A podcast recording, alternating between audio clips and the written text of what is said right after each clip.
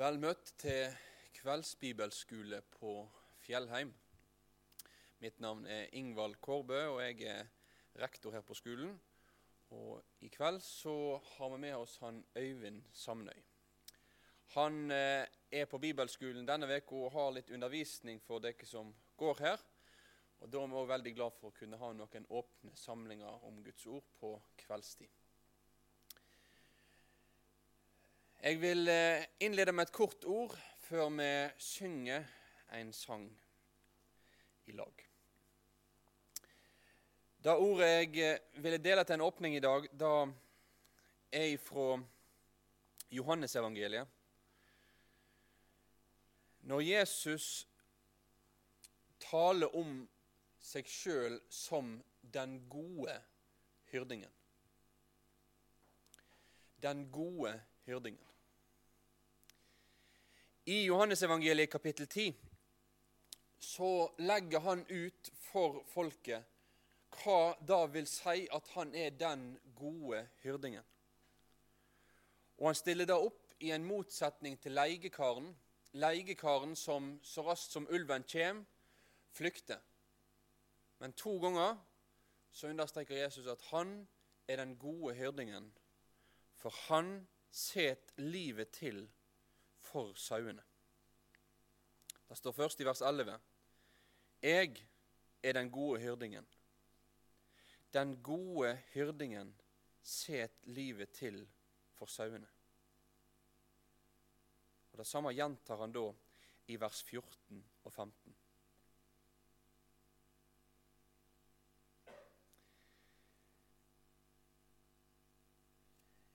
I denne teksten her får vi et, et lite innblikk i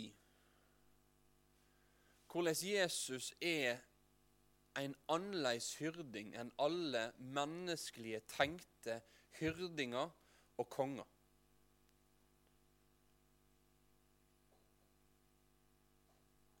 Israelsfolket hadde en lang historie i Gamle testamentet med ulike konger som, når trøbbel kom, når utfordringene vokste, når presset økte, ja, så prøvde de enten å flykte, eller de prøvde å finne andre utveier.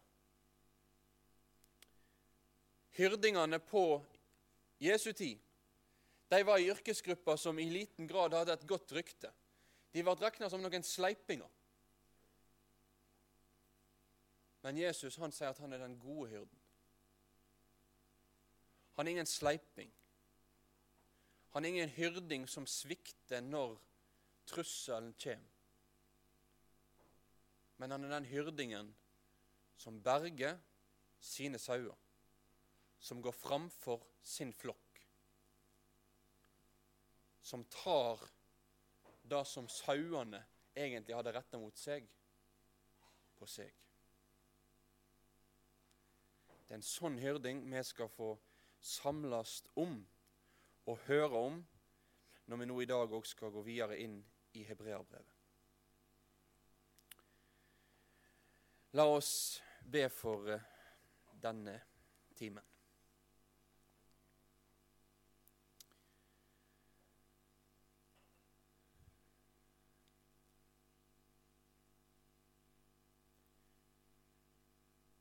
Gode Jesus. Vi vil få takke deg for at du har både taler i ditt ord, og at ditt ord òg viser hvordan du er den hyrdingen som du har sagt at du skulle være. Du var ikke bare en hyrding som sa at du skulle sette livet til for sauene, men du var han som gikk i døden for meg og for oss. Takk, Jesus, for at vi kan ha vår tillit til at en sånn hyrding, en sånn konge, en sånn frelser du er. At du ikke er en som svikter, ikke er en som lurer deg unna. Ikke er en som sleip og, og stiller andre framfor deg, men du er han som sjøl gikk i døden for våre synders skyld.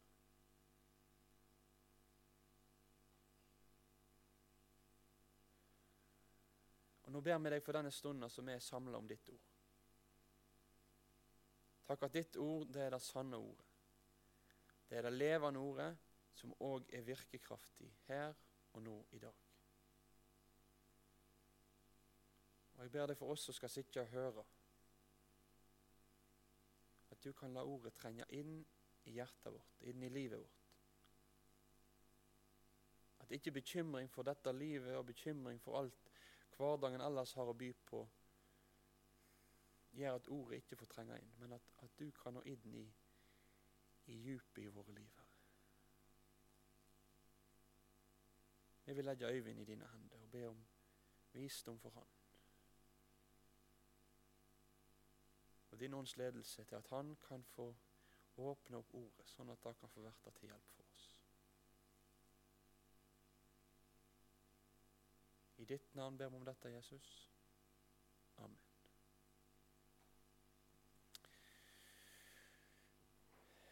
Vi synger sammen på nummer 19. Herre, samle nå oss alle om ditt dyrebare ord. Så får Øyvind ordet etterpå.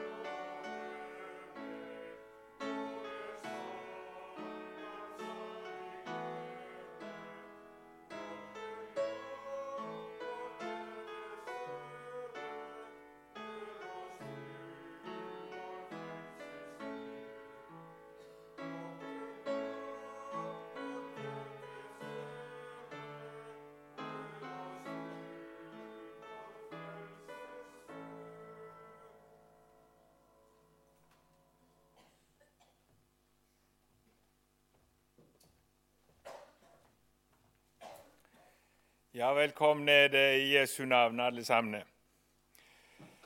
Har, jeg har som tema fra Hebreabrevet, og vi hadde noen timer, et par timer fra det femte kapitlet. Og nå er vi, jeg tenkte at vi skal prøve å lese det sjette kapitlet.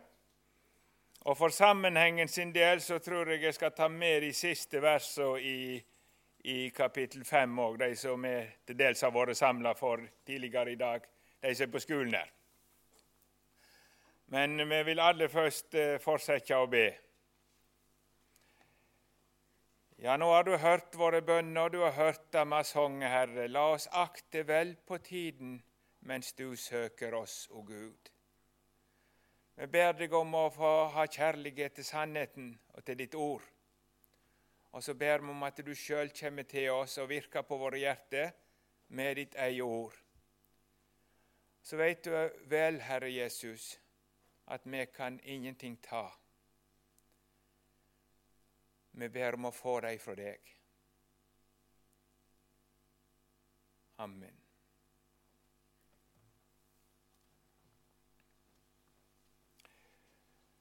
Eh, det er altså fra Hebreabrevet, fra det ellevte verset i det kapittel fem. Da leser jeg, og så leser jeg ut, eh, ut av sjette kapittelet i Jesu navn. Om dette har vi mye å si som er vanskelig å legge ut, fordi det har blitt sløve til å høre. For ennå det etter tida burde ha vært lærere, trengde einkvann som atter lærerdyktig i første grunnleggende ting i Guds ord. Det har blitt slike som trengte mjølk, ikke fast føde. For den som ennå får mjølk, kjenner ikke rettferdsord, han er da et barn. Men fast føde er for de voksne, for de som ved å bruke sansene sine har øvd de opp til å skilje mellom godt og vondt. La oss derfor gå forbi barnelærdommen om Kristus og gå videre mot det fullkomne, så vi ikke på nytt legger grunnvoll med omvending fra døde gjerninger og tro på Gud, med lære om dåp og hans pålegging, oppstå fra de døde og evig dom. Og det vil vi gjøre om Gud tillater det. For de som en gang har blitt opplyste, som har smaka den himmelske gåva og fått del i Den hellige ånd, og har smaka Guds gode ord og kreftene fra den kommende verda, og så fell ifrå. De kan umulig oppatnyes til omvending, siden de på nytt korsfester Guds sønn for seg og gjør han ope til spott. For den jorda som drikkregnet som fell på henne og ber grøde til gagn for de hun blir dyrka for, hun får velsigning fra Gud. Men ber hun torner og tistler, da er hun unyttig og forbanning nær, og det ender med at hun blir brent. Men når det gjelder dykk, våre kjære, så er vi overtydde om det som betre er, og som hører til frelse, jamvel om vi taler såleis. For Gud er ikke urettferdig, så han skulle gløyme gjerningene dykka og den kjærleiken det har synt mot navnet hans ved at det har tjent de hellige, og holder fram med det. Men vi ønsker at hver av dykk må syne den samme iveren etter å eie full visse i vona like til enden, så det ikke blir sløve, men følger etter de som ved tru og tålmod arver, arver lovnaden, lovnadene. For da Gud gav Abraham lovnaden, svor han ved seg sjøl. Han hadde ingen større å sverge ved, og sa, Sannelig, jeg vil velsigne deg rikelig og gjøre ett av de tallrik. Og da, da han såleis hadde synt tålmod, fikk han det som var lova. Menneskesverda ved den som er større, og eiden er for deg stadfesting som gjør slutt på all motseiing. Da nå Gud så mykje klarere vil syne arvingene til lov lovnaden hvor urikkende viljen hans er, gikk han god for han med en eid. Så vi skulle ha ei sterk trøst ved to urikkelige ting som gjør det utenkelig at Gud kunne lyge, vi som har tydd til å gripe den vona som ligger framfor oss. Den vona har vi som et anker for sjela, et som er trygt og fast, og når inn til det som er innenfor forhenget. Dit Jesus gikk inn som foreganger for oss, han som ble øverste prest til evig tid, etter Melkisedeks vis. Amen. Kraften i kristenlivet ligger i ordet om Jesus. Det er det ordet som skaper troen, så du blir et Guds barn. Og det er det ordet som holder trua oppe. Og Derfor er det alltid det som er hovedsaken når vi samles. Og Nå holder han på å forkynne den store sannheten om Jesus og vår øverste prest. Hva det betyr at Jesus tok på seg å føre saken for oss. At han tok på seg å være i vår stad sone vår synd og fare inn for Gud for å tale vår sak og stå der for oss. Store, store ting. Og dette har han så lyst til at de skulle få tak i, for de trenger det i kristenlivet sitt. Men så var det blitt vanskelig. Og vansken lå ikke i saken som var så stor, men vansken lå at de var blitt sløve til å høre. Hebreermenigheten var kommet i en sånn stilling at det var tungt å forkynne Guds ord til dem. For det var liksom ikke lenger om å gjøre å få trenge djupere inn i Guds ord.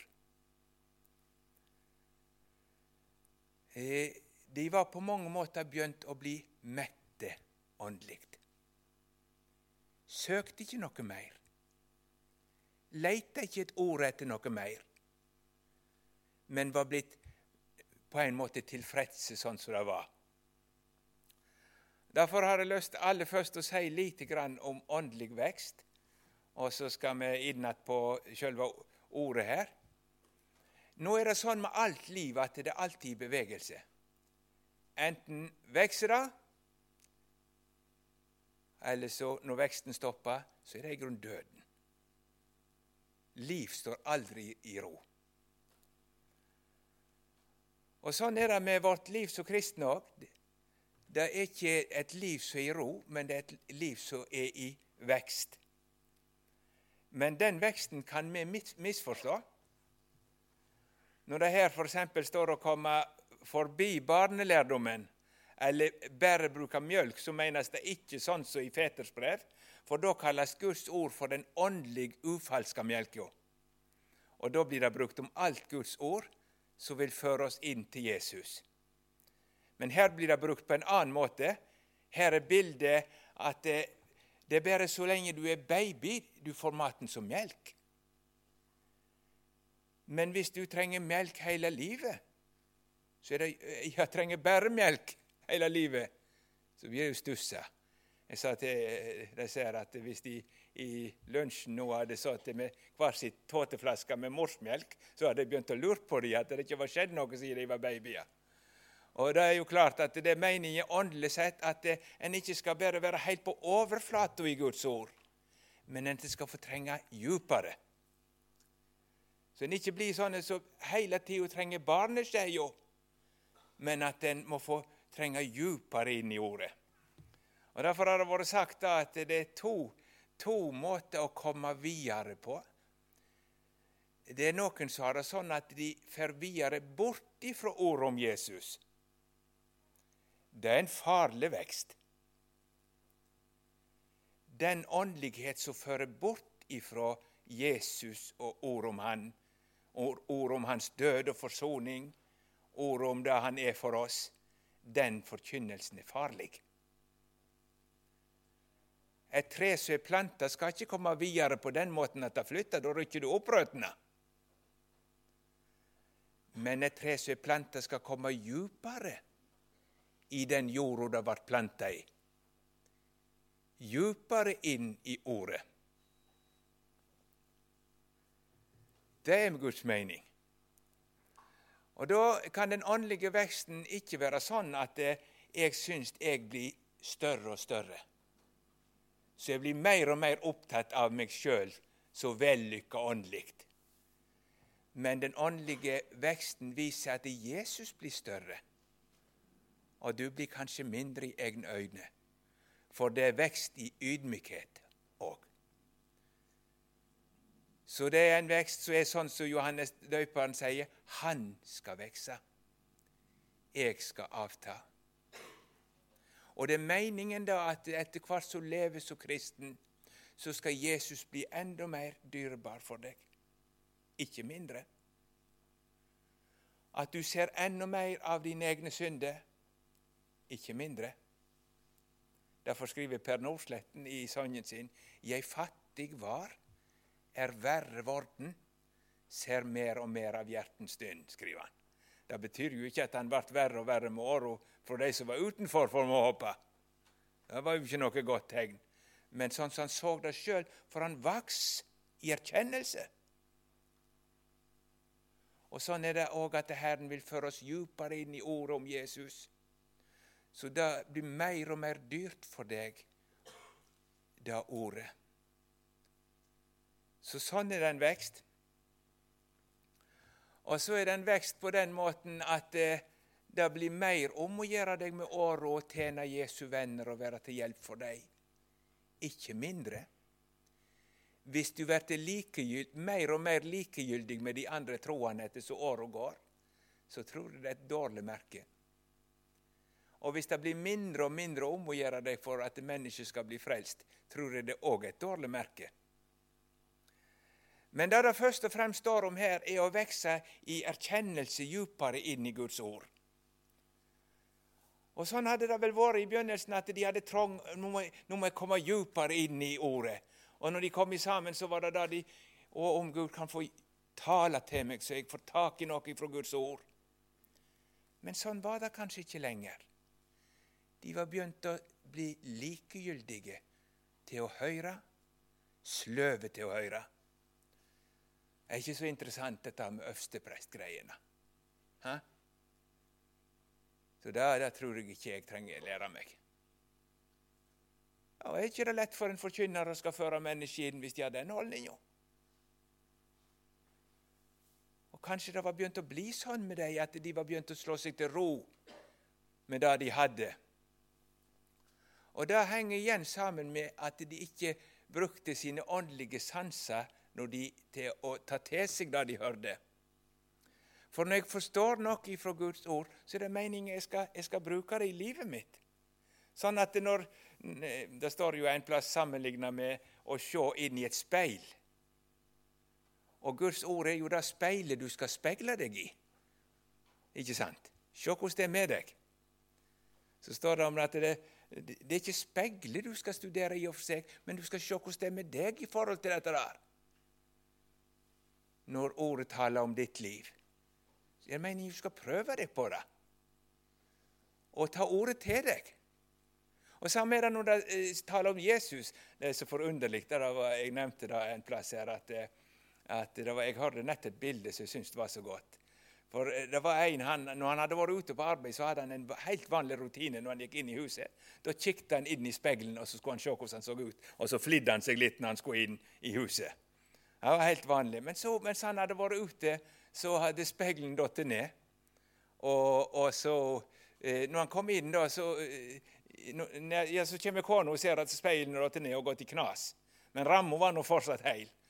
Så hun fant seg bare et bilde og hengte opp inn i ramma der. Og det var et fint Jesusbilde. Så det ble reaksjonen når mannen kom inn og skulle se hvordan han så ut i dag. Så så han Jesus. Og Da ble han så forskrekka at han ropte på kona hva dette var for noe. Og, og, men så fikk han ei oppbyggelig stund. Tenk at det, Gud setter Jesus i stedet for meg. Så skal jeg få se meg i Jesus fullkommen og ren. Det er evangeliet. Men da er det jo viktig at jeg skal få lov å høre det sånn. Det er mitt, dette her. Jeg skal få lov å ta det til meg. Ordet forkynner om Jesus. Og så kommer jeg på, ikke bare for å være på et møte sånn og la det gå forbi, men jeg, kommer for å, jeg må få høre noe så jeg kan få ta det til meg. Og ved at Guds ord får virke sånn på meg, så skaper Guds ord matlyst. Hvis forkynnelsen ellers er rett og sunn. Så når du hører Guds ord, så gir det mer smak. Altså gir det mer smak. Men slutter jeg å anvende Guds ord på mitt hjerte, så etter hvert så får jeg den metthetsfølelsen. Jeg trenger ikke noe mer. Jeg jager ikke etter noe mer. Og så blir jeg til, eh, sløv til å høre. Da er det farlig. Og Nå vil jeg bare skyte inn at jeg mener ikke at det ikke går litt opp og ned med hvor oppbyggelig du opplever ordet. Stundom kan du komme inn i tørre tider. Det er sikkert. Så du må ikke alltid sitte med febermåleren da, sa jeg òg i timen, ikke sant? og måle ble jeg varm nå. Jeg kan forstyrre deg så du ikke får tak i noe som forkynnes hvis du sitter på den måten og ser på deg sjøl. Derfor er det godt å velge oppmerksomheten hva Gud sier i sitt ord. Men at det er sånn, kjære Herre, hjelp meg nå å høre ditt ord. Så du kan få tale til meg. Og så tar jeg ordet med meg for å leve i det jeg har hørt, og at det Gud kan få anvende det på mitt hjerte. Hvis ikke så stopper jo den åndelige veksten. Det er jo det som skjer til slutt.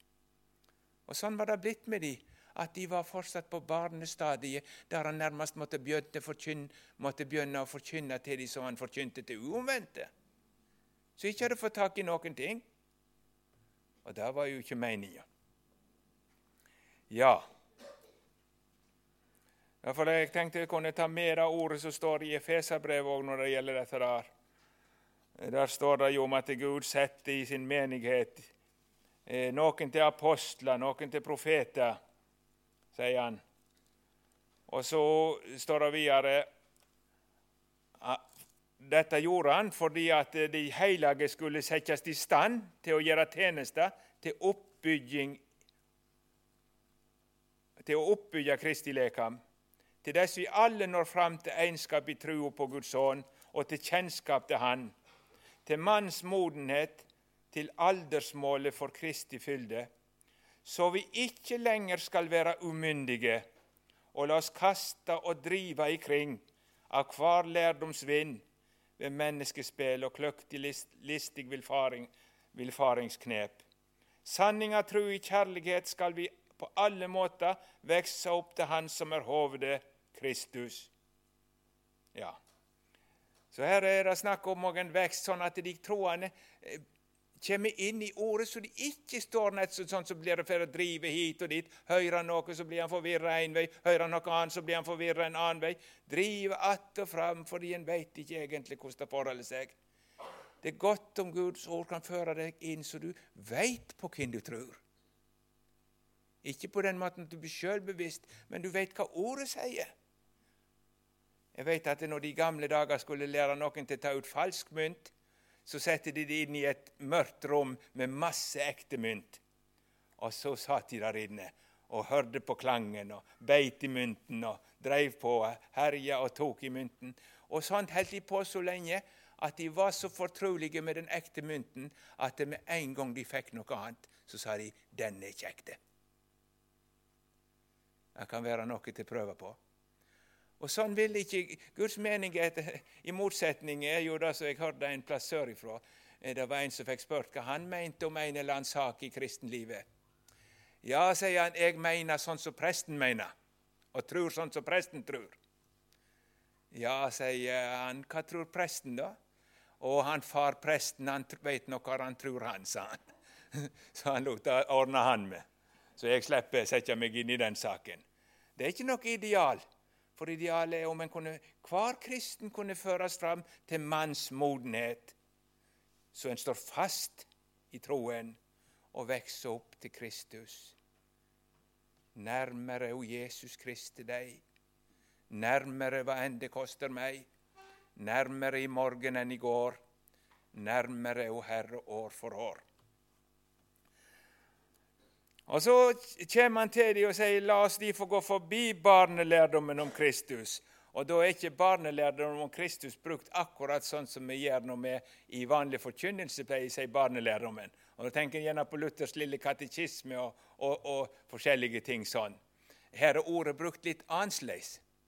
Her er det, det det første som ble forkynt og lagt fram for dem i omvendelsesforkynnelsen.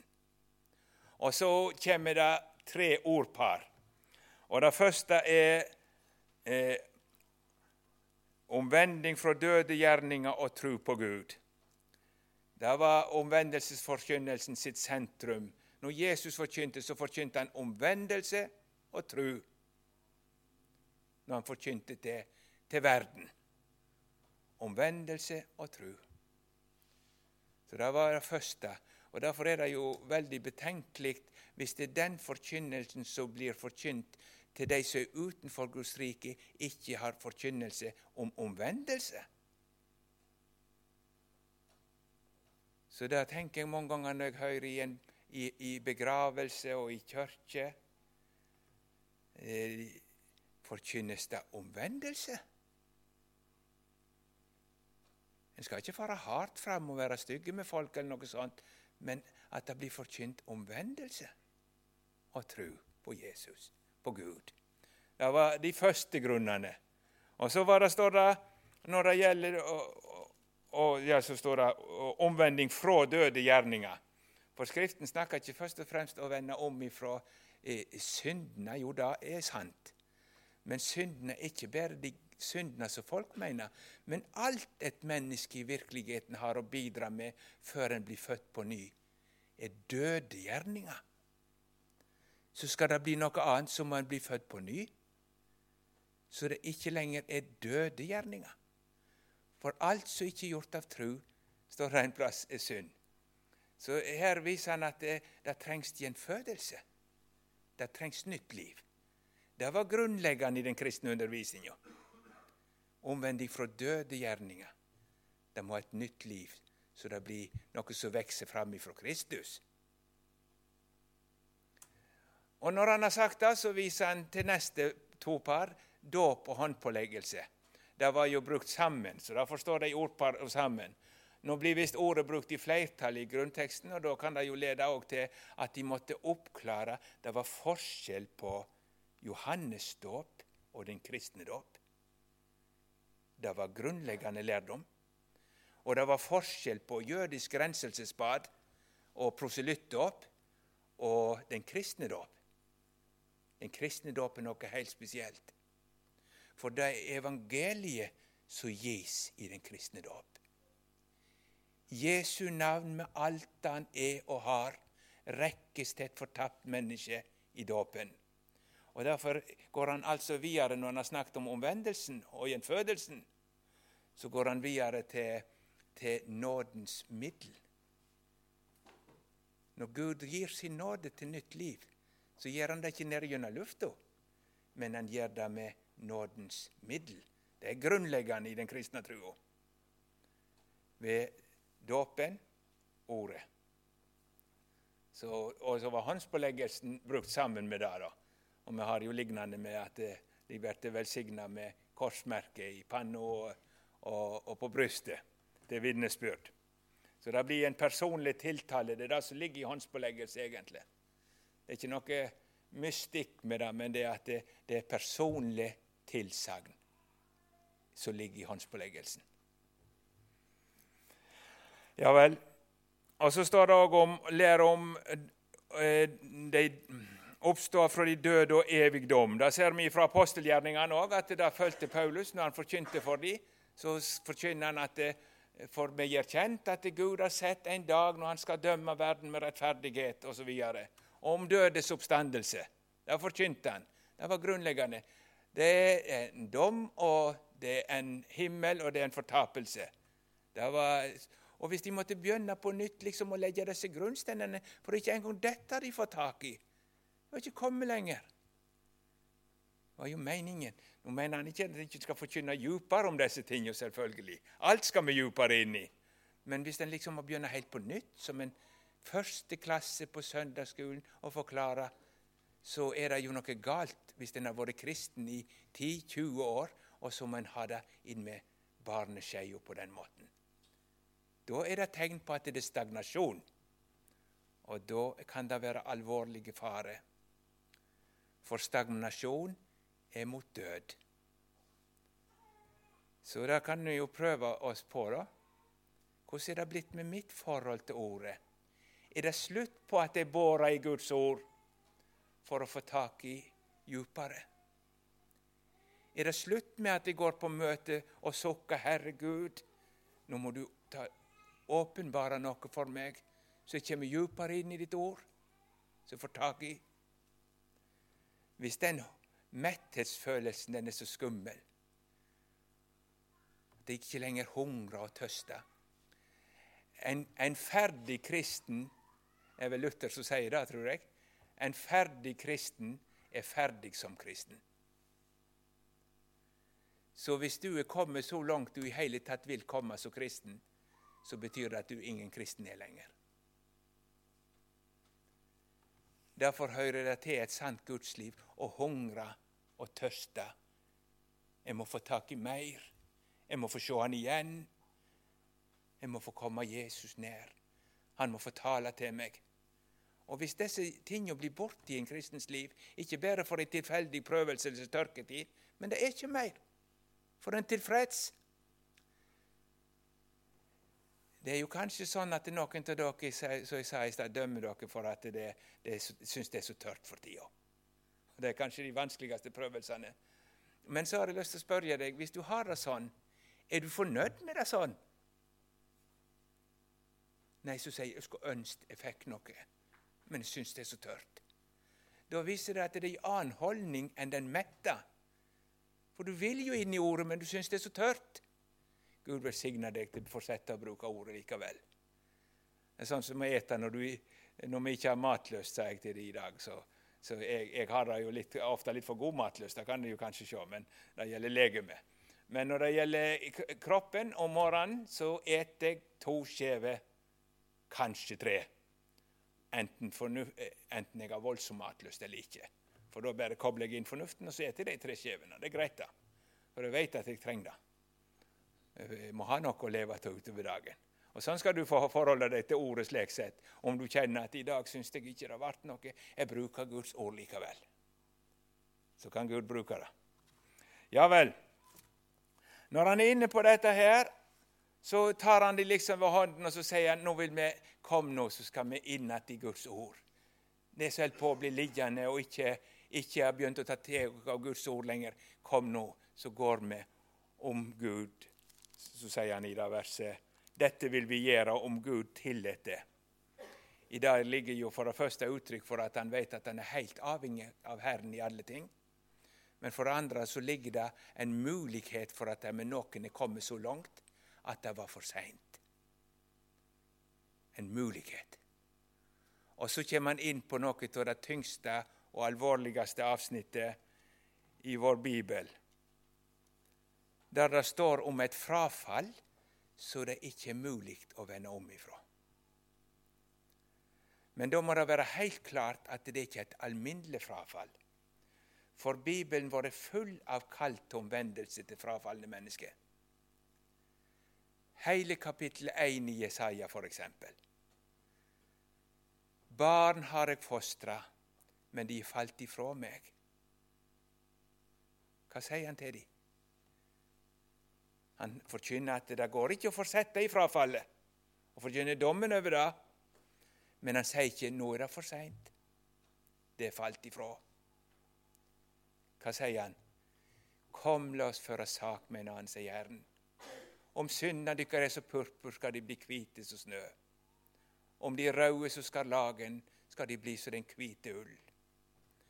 Og han sier i det vers 25 i samme kapittelet, jeg vil igjen ta meg av dykk. Og mange ord i Skriften som sier det. Tenk på David. Han levde et år i frafall.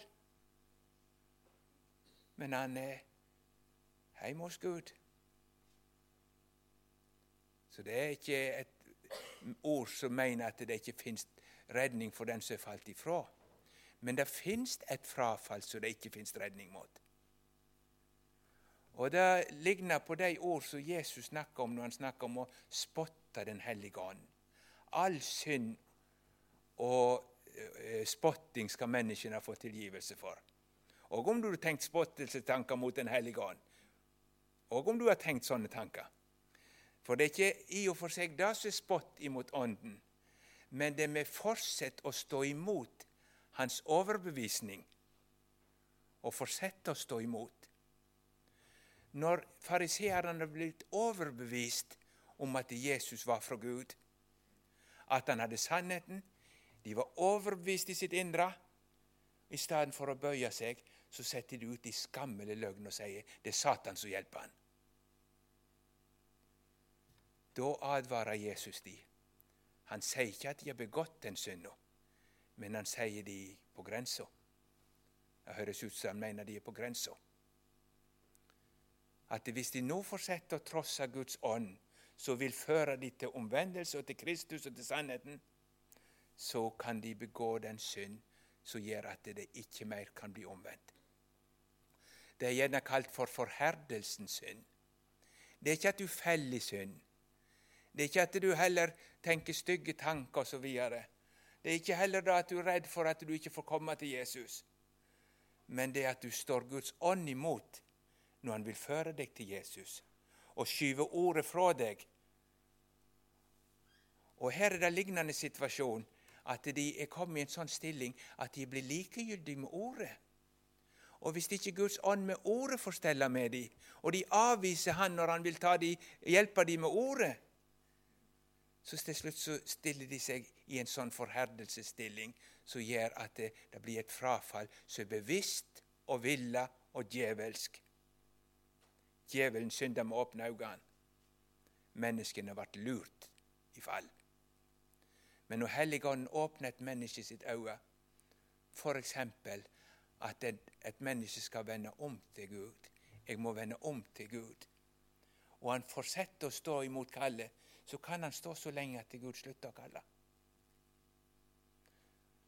Og hvis et menneske blir overbevist om synd, men vil ikke erkjenne sin synd, så arbeider Gud på sjela. Men til slutt så kan denne Gud si, vel, du gjør deg hard mot sannheten. Du skal få det som du vil. Nå skal du få være hard. Det er den tvungne forherdelse. Og Særlig gjelder det jo i forhold til evangeliet. Og Her var det altså noen som var overbevist at Jesus var til frelse. De hadde smakt kraften i det, i ordet. De hadde smakt Guds gode ord og kjent at dette med Jesus da talte til dem og overbeviste dem, så de tok imot ham, og så fikk de Helligånden. Så Sånn sett hadde de gjennom det nye livet smakt den kommende verdens krefter. Det er faktisk det som rører seg i et Guds barn når de kommer til tro. Det er Jesus som er inn i herliggjorte Frelseren som gjør sine gjerninger. Så det er noe av den kommende verdenskrefter. da. Så det er at de er bevisst og vet at Jesus er til frelse. Og så står de likevel i fare for å stelle seg sånn med ordet at det ikke betyr noe mer.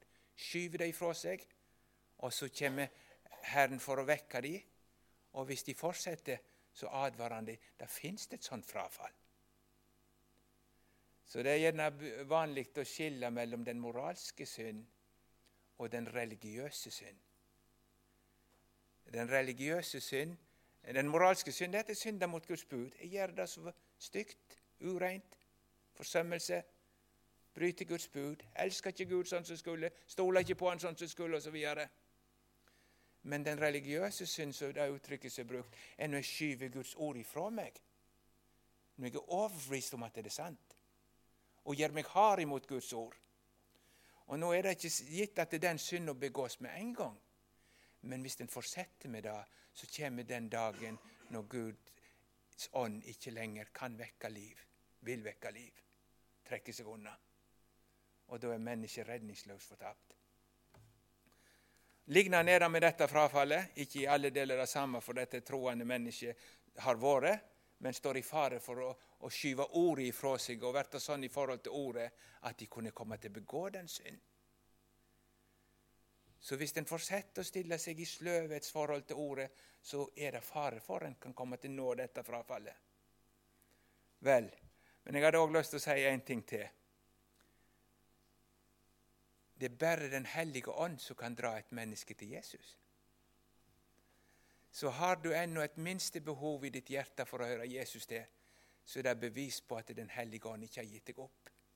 For det behovet hadde ikke du hatt hvis ikke det var Jesus som virka på deg. Guds ånd. Så Derfor står det vel i Salme 9 Herren har ikke forlatt dem som søker ham. Der står det. Herren har ikke forlatt de som søker ham. Og Derfor er det vel gjerne sagt at den som får ramme alvor, er redd for å ha begått den synden. Han har det ikke. For bare den frykten er et bevis på at Det hellige ånden virker på deg. Så dette er ikke et ord som skal få deg til å gå bort ifra Jesus' ord og si det nytter ikke for meg. Men det er et ord som skal få deg til nei, la meg komme til ordet og komme til Jesus. Det er redningen for meg. Ja. Ja, så har jeg lyst til å si litt om andre delen. Han kommer jo inn på her at han tror det er ikke det er så gale med dem. Han sier det i det sjette kapitlet der. Men når det gjelder dykk, våre kjære Han har brukt det bildet med regnet. Jeg har lyst til å nevne det litt, forresten. Guds ord er for vårt åndelige liv som regnet er for marka.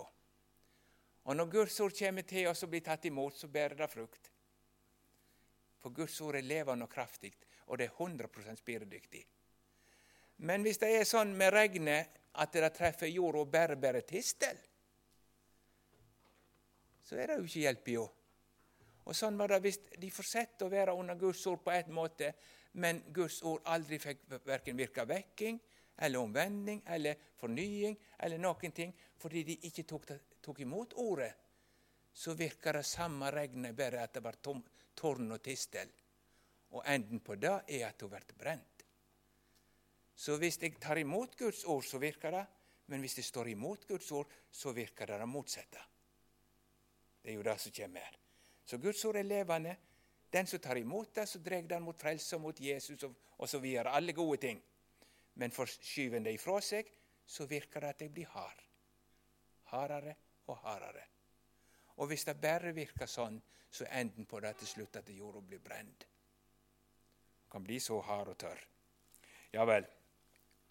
Men når det gjelder dykk, våre kjære, så er vi overtydde om det som bedre er, og som hører til frelse jamvel om vi taler såleis. Han tror altså ingen i den sammenhengen er kommet så langt, og likevel vil han de skal ha den advarselen.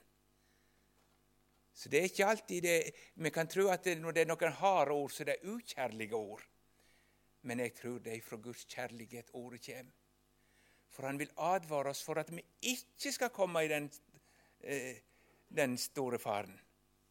Vi har jo hatt foreldre med oss som har advart oss mot det som virkelig kunne være farlig for oss. Og de kunne si skarpt du går ikke ned der når du, til ungene sier du går ikke, Vi hadde en stein som ikke skulle gå ned forbi, for da kom vi bakom en haug, og da får vi ned på hovedveien. Og når vi var for små til det, så sa foreldre greit ifra, gå ikke der. Og det var nå sannelig ikke fordi de ville være harde med oss, men de ville ikke at vi skulle bli påkjørt av bilene. Det var jo kjærligheten deres som hindra oss. Sett i grenser. Og nå kommer Guds kjærlighet. Gå ikke lenger! Hvis du kommer i den stillingen at du slutter å ta til deg Guds ord, og slutter å høre for å ta det til deg, gå ikke lenger! Du kan bli påkjørt av bilene. Men hva er grunnen til at han tror ikke det kommer så langt? Jo, for det første er det Guds trofasthet. Han kjenner Gud. Så i den tilliten har han at Gud har ennå taket i dem. Og så ser han på fruktene i deres liv, at det er ekte kristendom. Det har det vært. Vi kan ikke se livet. Jeg kan ikke se på deg om du er gjenfødt. Og sikkert nok øynene har ingen av oss.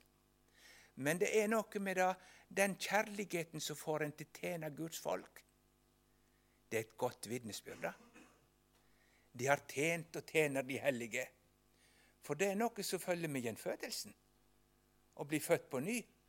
At Guds folk kommer i en særstilling. Så det blir mitt folk. Det er taket som kjennetegn på sann kristendom. På dette veit vi at vi har gått over fra døden til livet. At vi elsker brødrene. Så hvis du har en sånn kristendom som eh, trives best alene, ikke i lag med de kristne, du har ikke trangt til å være i lag med de, da er det ikke godt merke. For når du finner Jesus, så kommer du samtidig inn i denne trangen til å være i lag med Jesu venner. Og Det skal takkes fram som vitnesbyrd, husker det, på store dagen. Det er gjort mot mine minste. og at det blir brukt minst, minste og ikke bare mine. Han kunne jo gjort det, men det er jo noen av de som det kan være fordel, sånn rent menneskelig. Hvis formannen i bondelaget var kristen, så kunne jeg jo trøst, eh, hatt lyst til å være i lag med han fordi jeg var bonde. ikke sant?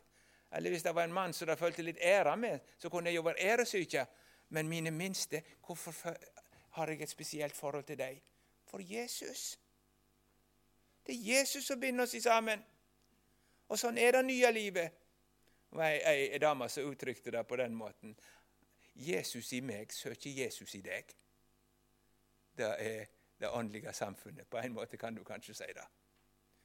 Og Det er noe som du kjenner deg igjen på. Og da hadde han sett.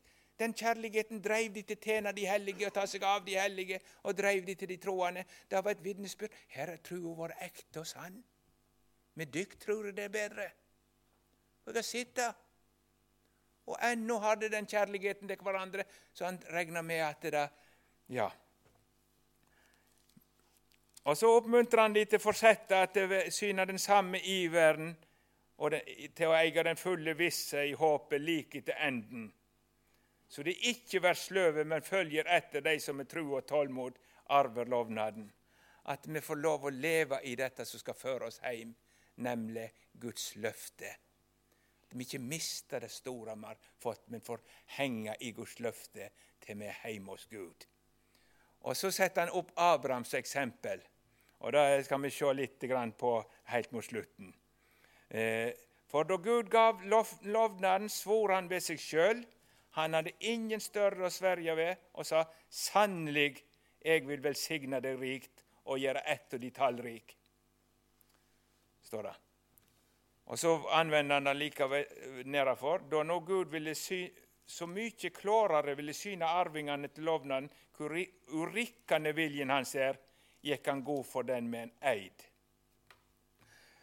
Så at vi skulle ha ei sterk trøst ved to urikkelige ting som gjør det utenkelig at Gud kunne lyge. To urikkelige ting. Gud gikk altså først lovde han, og det burde jo være nok og mer til. Har Gud gitt et løfte? Og Gud lovde Abraham to ting. Han lovde han Isak, eller den som skulle bli født. I det ligger Kristus gjemt. For det var jo løftesønnen som skulle frelse. Så løftet om slekta, det er løftet om Frelseren. Og så var det løftet om landet. To løfter. Det første løftet gjelder altså løftet om Frelseren som skulle komme. Og det andre var løftet om landet. For oss troende så er det ene tilliten til Jesus som frelser. Det andre er løftet om den evige saligheten. Herligheten hos Gud. Så landet som Abraham lengta etter djupeste mening, oppfylles. Gud har gitt et fast ord om frelsen i Jesus. Det skal jeg få lov å holde meg til. Og Gjennom det har jeg òg et annet fast løfte, nemlig et sikkert løfte om den evige salighet. To løfter.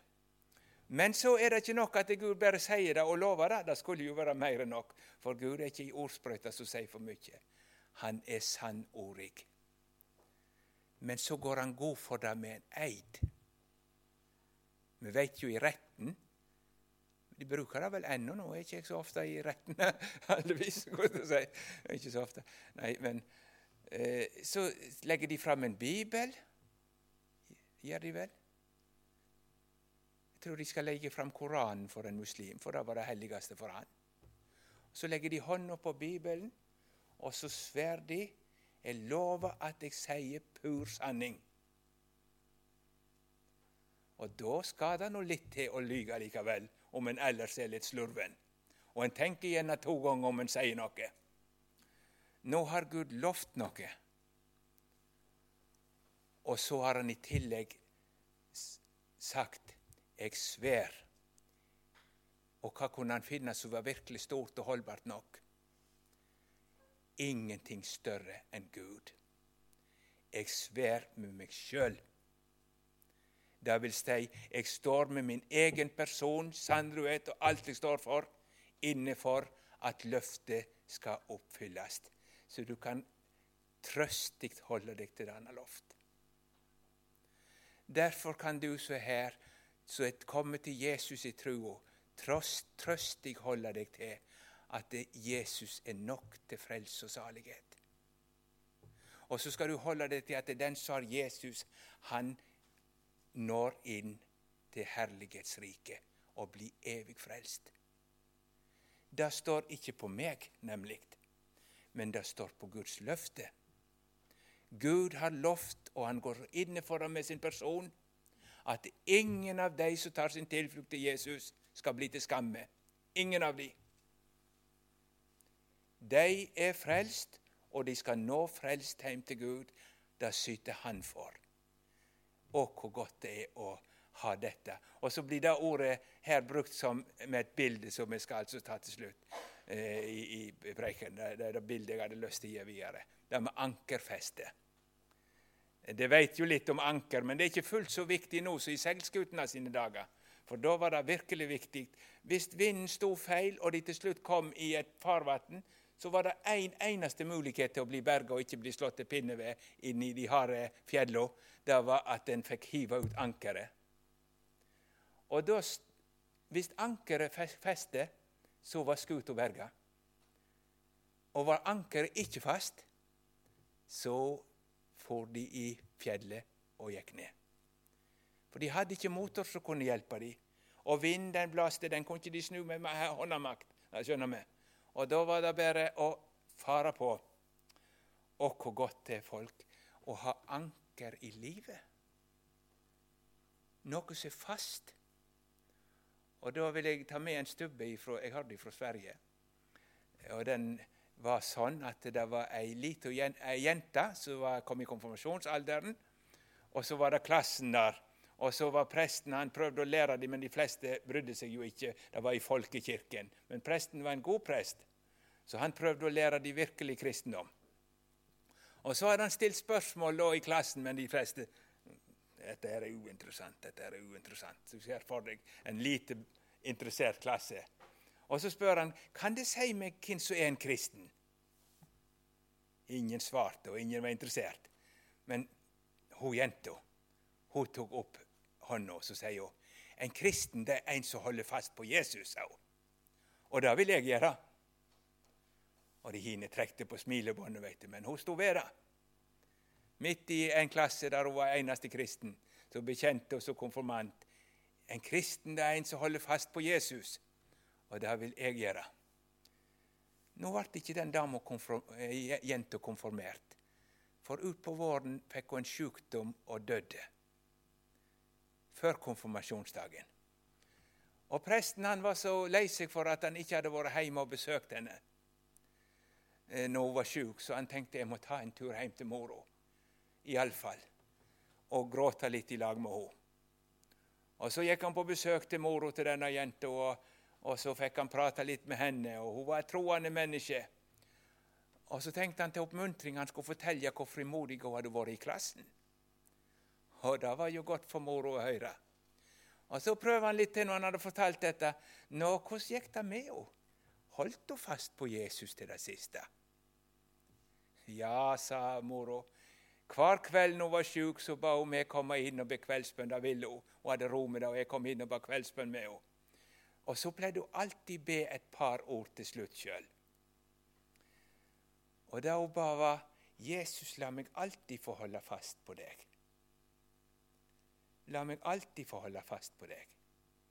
Ja, barnslig uttrykt. Sånn. Men hvor godt. Men de to siste dagene hun levde, da ba hun ikke sånn, sa mora. For da var hun blitt veldig svak, og vi hadde snakket sammen at eh, vi hadde kanskje ikke så lenge i lag. Og når jeg var inne på kveldsbønn og skulle til å be, så hadde hun forandra bønna si de to siste dagene før hun døde. Og da sa hun, 'Nå veit du, Jesus, jeg kan ikke holde fast mer. Nå må du holde fast.' Og sånn for hun. Og hvor godt det er at det er sånn. Det å henge i en frelser som holder fast. Så alt er inne i himmelen. Jeg skal slippe å lite på meg sjøl. Men jeg han er frelser så ordner frelsesaken, og hans løfte dreg meg inn. Så når døden sin bråtsjø du møter, vil Jesus dra båten i land. Og så har jeg lagt merke til én ting når jeg har sett på disse båtene som henger i et sånt lite anker ute i fjorden. Det er små båter, så jeg har de sånn rundbøy og et anker. Jeg vet ikke om det er så, er sånn de gjør det her oppe, men det er noe vanlig sørpå iallfall om somrene. Så henger de. At det, samme hvordan vinden blåser, så snur båten seg mot ankeret. Det er sånn bauanker. Og det er noe med det jeg har lagt merke til, at det er i grunnen sånn å være et Guds barn. At det, hvor det nå er, så leter jeg etter Jesus. For det er han jeg henger i. Så jeg må få se den veien. Det er godt å merke det er noen som har bruk for Jesus. Så den snur seg, enten det er nød eller glede, eller så er det dette med Jesus som er den store, store som Ja, han holder fast. Det holder helt hjem. Gud velsigne dere alle. Kjære Herre Jesus, nå har jeg lyst til å takke deg for du tok på deg å være frelseren vår. Og nå ber jeg deg inderlig, Herre, at du holder oss oppe ved ordet, som alltid har bruk for å høre om deg. Og som aldri blir fornøyd med liksom det vi har kunnet og lært en gang, men at det er sånn i våre hjerter at vi må høre mer om deg. Så ber jeg for oss samler for ditt ansikt, at du får holde oss vakende ved ditt ord, inntil du får dra oss like inn der du er innenfor forhenget, i Guds evige rike. Takk, Jesus, for at du er til å stole på. Jeg er ikke til å stole på, Herre Jesus, men du er til å stole på. Du ga ditt liv for oss og sonte vår synd, og så du farer hjem for å være vår prest til evig tid. Jeg vil prise ditt hellige navn. Amen.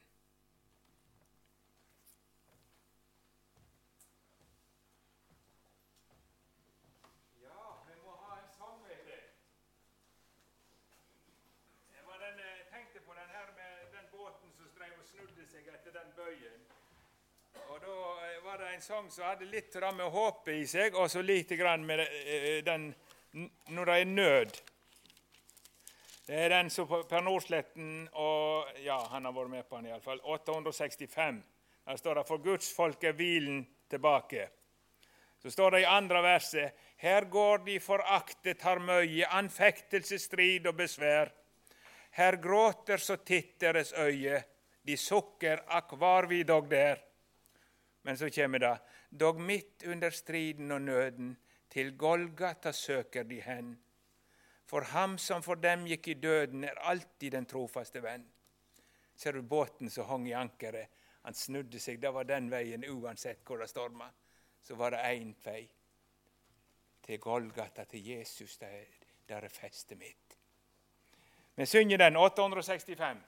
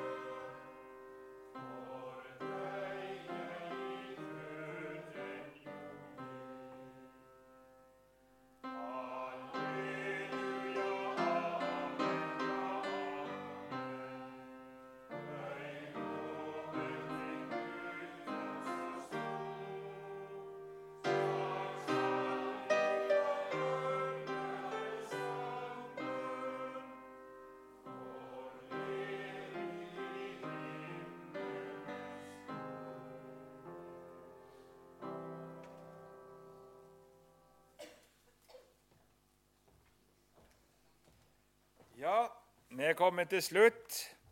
For himmel og jord kan vel vike, men aldri det løftet du fikk. Og tenk ei at jeg kan deg svike, for deg jeg i døden jo gikk. Det er ankerfest, altså. Himmel og jord skal forgå.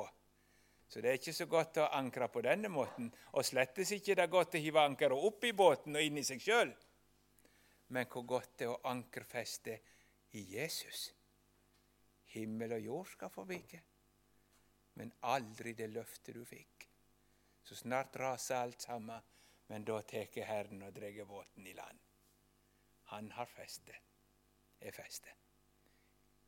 Det hadde jeg lyst til å minne dere om. Gud velsigne dere. Så skal vi si takk for stunda. Så vet jeg ikke, er det litt kaffe og sånn, så det kan nå prate litt i lag og sånn. Og er det noen som syns det hadde vært godt å få samtale, så er det jo det vi vil å være i lag for at vi kan være hverandre til hjelp i det aller viktigste. Ja, vi kan ta med Fader vår i sammen. Fader vår, du som er i himmelen. Helliget vorde ditt navn. Kom med ditt rike. Skje din vilje som i himmelen så på jorden. Gi oss i dag vårt daglige brød, og forlat oss vår skyld, som vi forlater våre skyldnere. Led oss ikke inn i fristelse, men frels oss fra det onde. For riket er ditt, makten og æren i evighet. Amen. Så får jeg si til de som ikke er på skolen, og tusen takk for denne gangen. Og Gud velsigne dere til vi møtes en gang for aldri mer.